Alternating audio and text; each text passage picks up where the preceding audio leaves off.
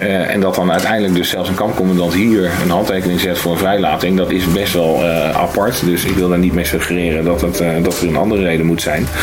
Maar dat is in ieder geval iets wat zijn vrouw dan inderdaad wel heel volhardend heeft gefixt. Ik ben Sven. Ik ben de kleinzoon van Frans en Fien Kentin. Toen mijn opa overleed, kreeg ik een map met daarin allerlei oude documenten.